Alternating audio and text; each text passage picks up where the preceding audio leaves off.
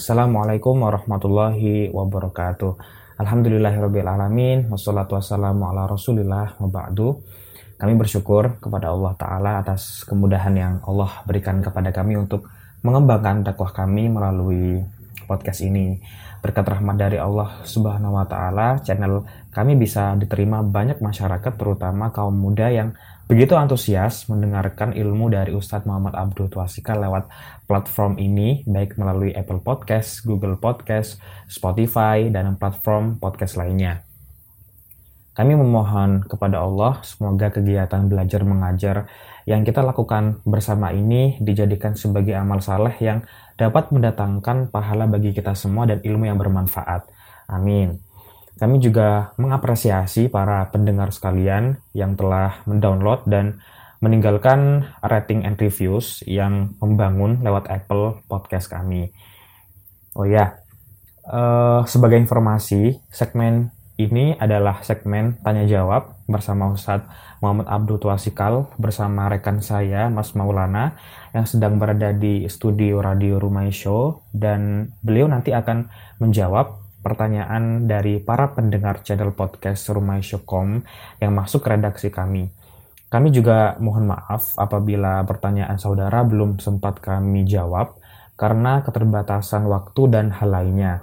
Kalian bisa kok mengirimkan pertanyaan seputar episode yang kami bahas melalui email admin at rumaishow.com admin at rumaishow.com apabila ada materi yang kurang dipahami Here's the thing that pembahasan akidah itu sangat penting dipahami agar kita tidak mudah terjerumus ke lembah kesesatan dan menyebabkan kekal di neraka. Uh, it's terrible.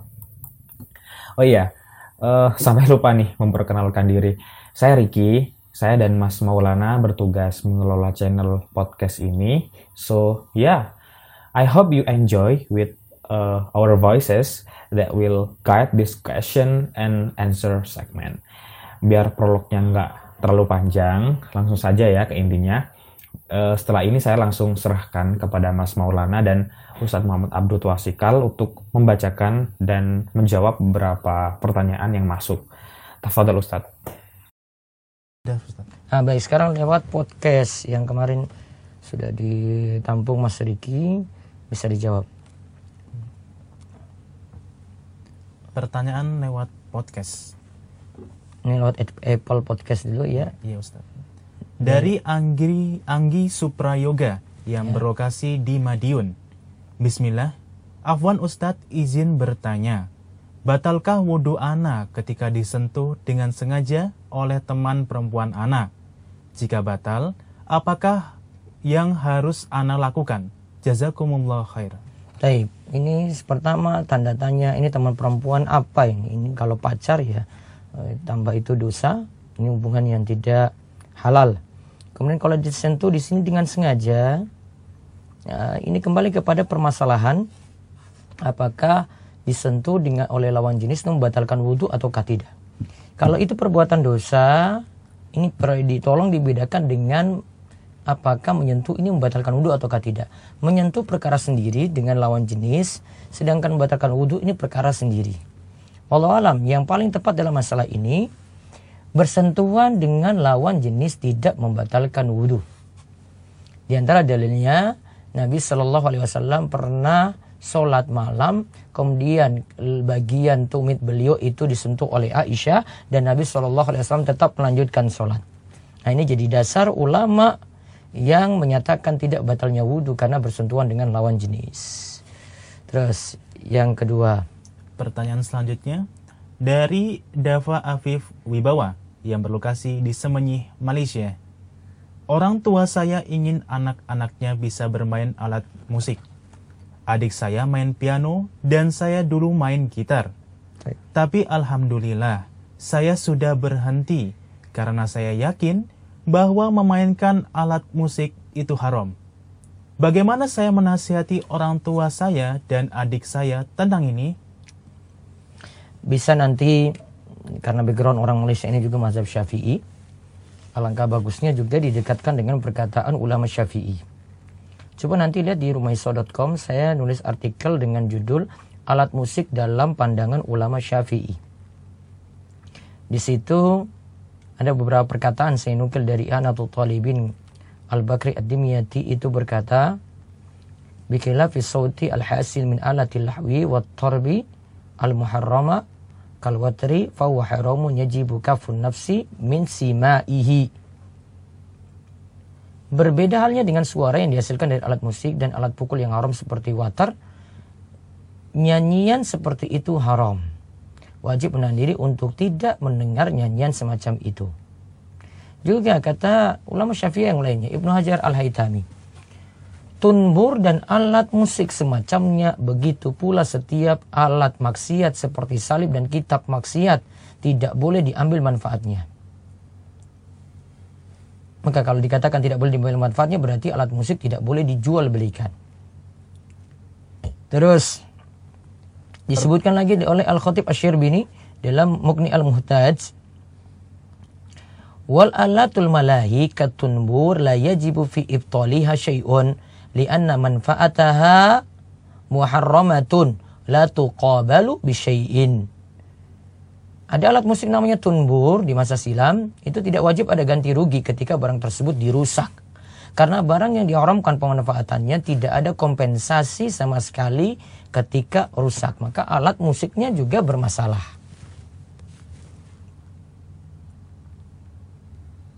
Juga ada perkataan yang lain.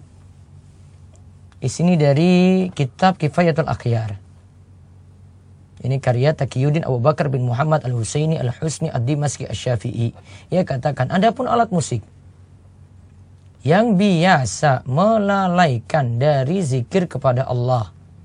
Jadi ingat ya, para ulama ketika bahas alat musik itu terkait dengan berzikir pada Allah. Karena alat musik ya memang membuat lalai dari zikir pada Allah. Fa in kanat ba'da kasriha la tu'addu malan kal muttakhidha min al qasbi wa nahwihi fa bai'uha batilun. Li'anna manfa'ataha ma'dumatun syar'an wa la yaf'alu dzalika illa ahlul ma'asi Kata penulis Kitabayatul Akhyar Syekh Taqiyuddin, adapun alat musik yang biasa melalaikan dari zikrullah Ya, jadi biasanya malaikat dari zikrullah. Jika telah dihancurkan maka tidak dianggap lagi harta berharga seperti yang telah hancur. Misalnya ada kayu dan selainnya, maka jual belinya batil kata Syekh Taqiyuddin. Karena saat itu tidak ada manfaatnya secara syar'i. Tidaklah yang melakukan demikian kecuali ahli maksiat. Maka tadi kalau pertanyaannya dengan piano dengan alat musik yang lainnya tolong ditimbang-timbang dengan perkataan ulama Syafi'i ini belum kami bawakan dalil. Cukup dekati saya dengan perkataan ini ya dengan dasar ulama Syafi'i tentu saja mereka akan berdalil dengan hadis-hadis yang mengharamkan alat musik tersebut. Jadi bisa nasihati orang tua pelan-pelan dengan bijak dengan hikmah mudah-mudahan dapat hidayah. Terus pertanyaan selanjutnya lewat Spotify Ustadz atas nama Jumatia Purnama yang berlokasi di Tarakan. Assalamualaikum warahmatullahi wabarakatuh. Waalaikumsalam warahmatullahi wabarakatuh. Apakah sunnah atau dianjurkan sholat witir sebelum tidur? Baik, sholat witir itu ada dua waktu, bisa dilakukan sebelum tidur, bisa juga setelah bangun tidur malam sebelum masuk waktu subuh. Di sini ada hadis, kami, kami coba bacakan dari hadis Jabir radhiyallahu anhu. Ayyukum khafa alla yakuma min akhiril lail falyutir summa liyarkud wa man wathiqa bi qiyam min al-lail falyutir min akhirih fa inna qira'ata akhiril lail mahduratun. Wa dzalika afdalu. Ini hadis riwayat Muslim. Siapa di antara kalian yang khawatir tidak bisa bangun di akhir malam hendaklah ia mengerjakan witir baru kemudian tidur. Berarti witirnya sebelum tidur. Dan siapa yang yakin akan terbangun di akhir malam? Hendaklah ia mengerjakan witir di akhir malam. Kalau dia yakin ya merasa kuat ya. Karena bacaan di akhir malam dihadiri oleh para malaikat dan itu tentu lebih utama. Dan ada cerita dari Abu Qatadah tentang Abu Bakar dan Umar. Nabi SAW pernah bertanya kepada Abu Bakar, kapan kamu melaksanakan witir? Abu Bakar jawab, di permulaan malam, berarti sebelum tidur. Lalu engkau Umar? Umar jawab, yaitu di akhir malam. Kemudian Nabi SAW katakan Abu Bakar, ya, hadha bil hazmi engkau orang yang hati-hati. Kemudian Nabi Shallallahu Alaihi Wasallam katakan pada Umar, akhadha hadha bil kuwah. Engkau ini orang yang kuat. Maka di sini menunjukkan dua-duanya boleh. Keadaan seorang tergantung di sini, dilihat kondisinya bisa sebelum tidur ataukah sesudah tidur. Dan tergantung juga keadaan mungkin ada waktu kita itu begadang malam sehingga tidak bisa sholat witir sebelum uh, setelah witir nanti setelah bangun malam nanti bisanya sebelum tidur. Jadi lihat keadaan orang masing-masing juga bisa jadi pertimbangan. Wallahu a'lam. Selanjutnya dari Nurdin Samas yang berlokasi di Makassar. Apa hukum wanita mengantar jenazah ke pekuburan dan singgah ke kuburan anggota keluarga? Hukum wanita mengiringi jenazah. Di sini dikatakan wanita mengantar jenazah ke pekuburan dan singgah ke kubur anggota keluarga. Kalau uh, cuma sekadar ziarah saja boleh ya. Karena ini masuk dalam hadis Nabi SAW, Zurul kubur fa inna tudzakirukumul akhirah. Lakukanlah ziarah kubur karena ziarah kubur ini lebih mengingatkan kalian pada kematian gitu. Sedangkan kalau untuk sekad, untuk mengantar ini jenazah mau dikuburkan si wanita ini ikut maka ada hadis yang menyatakan itu makruh dari Ummu Atiyah radhiyallahu anha qalat dia katakan nuhina anitiba il janais kami itu dilarang dari mengikuti jenazah, mengiringi jenazah. Walam yu'zam alaina. Namun itu tidak dilarang keras bagi kami. Ibnu Hajar itu terangkan, tidak dijelaskan jika hal tersebut terlarang keras. Saya katakan Ummu Atiyah berkata kami dilarang mengiringi jenazah dan bukan larangan haram, tetapi makruh. Ini kata Imam bin Wajar. Imam Nawawi juga katakan makna hadis itu melarang para wanita untuk mengiringi jenazah dan larangannya adalah makro tanzi, bukan makruh yang menunjukkan keharaman. Dan madhab syafi'i berpendapat hal itu makruh dan bukanlah haram berdasarkan pemahaman dari hadis ini. Begitu. Terus. Selanjutnya dari Alivia Khairunisa yang berlokasi di Bekasi. Afwan Ustadz, saya mau tanya. Bagaimana jika dagu seorang wanita ketika keluar rumah terlihat? Apakah dagu termasuk bagian aurat juga? Yang tepat ya kalau mau pahami wajah itu yang kita basuh saat wudhu ini dalamnya ini tidak masuk dagu bagian bawah. Nah, ini tanda dagu bagian bawah ini sebenarnya bagian dari aurat yang ditutup. Maka yang ibu-ibu itu mesti basuh ini yang dia dia basuh ketika wudhu. Ini yang dia buka. Yang selain itu dia tutup. Ya, selain wajah ini dia gampangannya memahaminya seperti itu.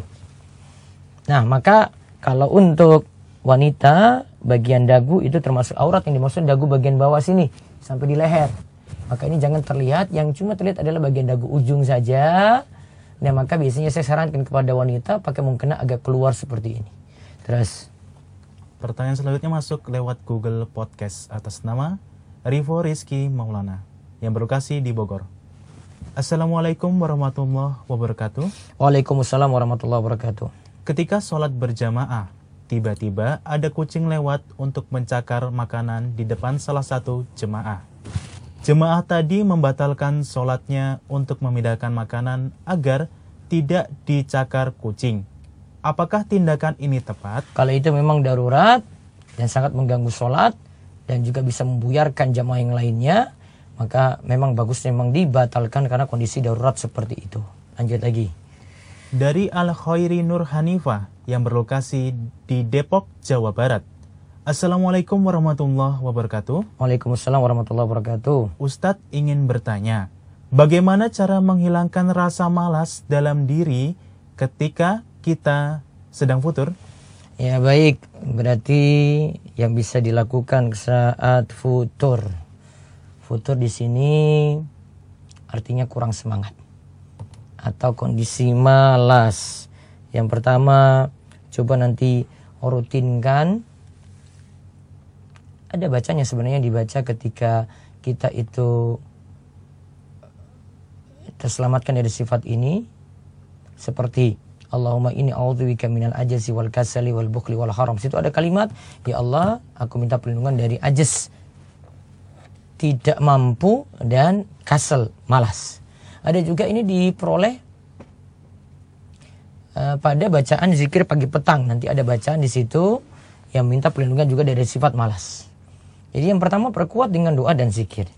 Kemudian yang kedua, beramal itu sifatnya pertengahan. Jangan sampai terlalu berlebihan dan terlalu semangat.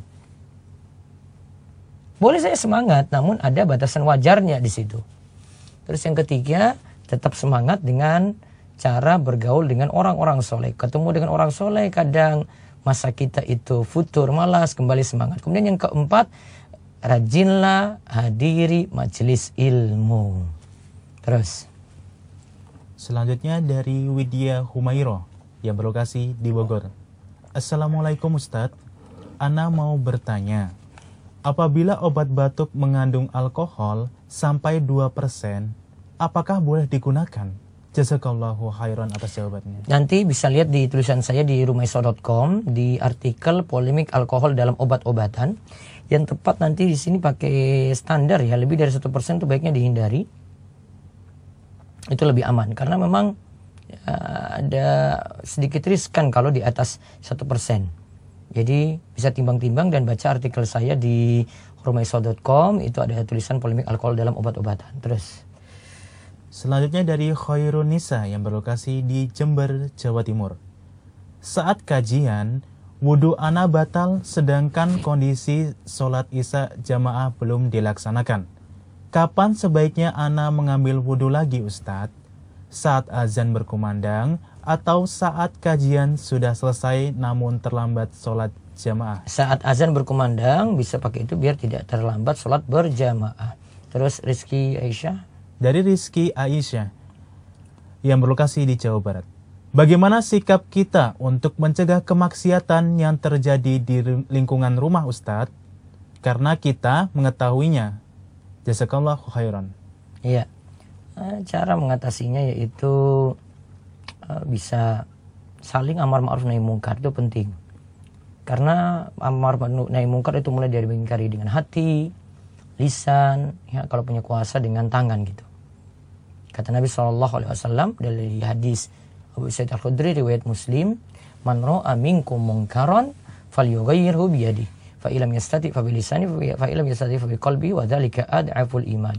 Jika salah seorang di antara kalian itu melihat suatu kemungkaran maka ubahlah dengan tangan. Kalau tidak mampu maka dengan lisan. Kalau tidak mampu maka yang paling maksimal tetap ada pengingkaran dalam hati dan itulah selemah-lemahnya iman. Jadi ingat hadis ini Nabi hadis dari Nabi SAW ini baik-baik. Terus selanjutnya dari Nurdianto yang berlokasi di Manado. Bagaimana caranya paling efektif dan efisien dalam membeli buku-buku dari Rumah Iso? Dan apakah buku-bukunya sudah ready di toko-toko yang berada di daerah kami, khususnya di kota Manado? Ya, Manado belum, Sulawesi ini belum, dan memang uh, Rumah Iso belum kembangkan sayap ke kota mana pun, cuma uh, luar kota ini kami uh, buka pelayanan lewat online saja.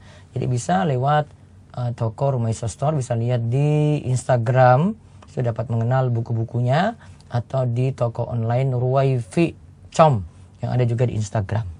Baik, itu saja. Alhamdulillah telah usai pertanyaan lewat podcast. Nanti akan dimuat di podcast ya audio tadi dan bisa dimanfaatkan oleh kaum muslimin untuk mendapatkan jawaban dari pertanyaan agama.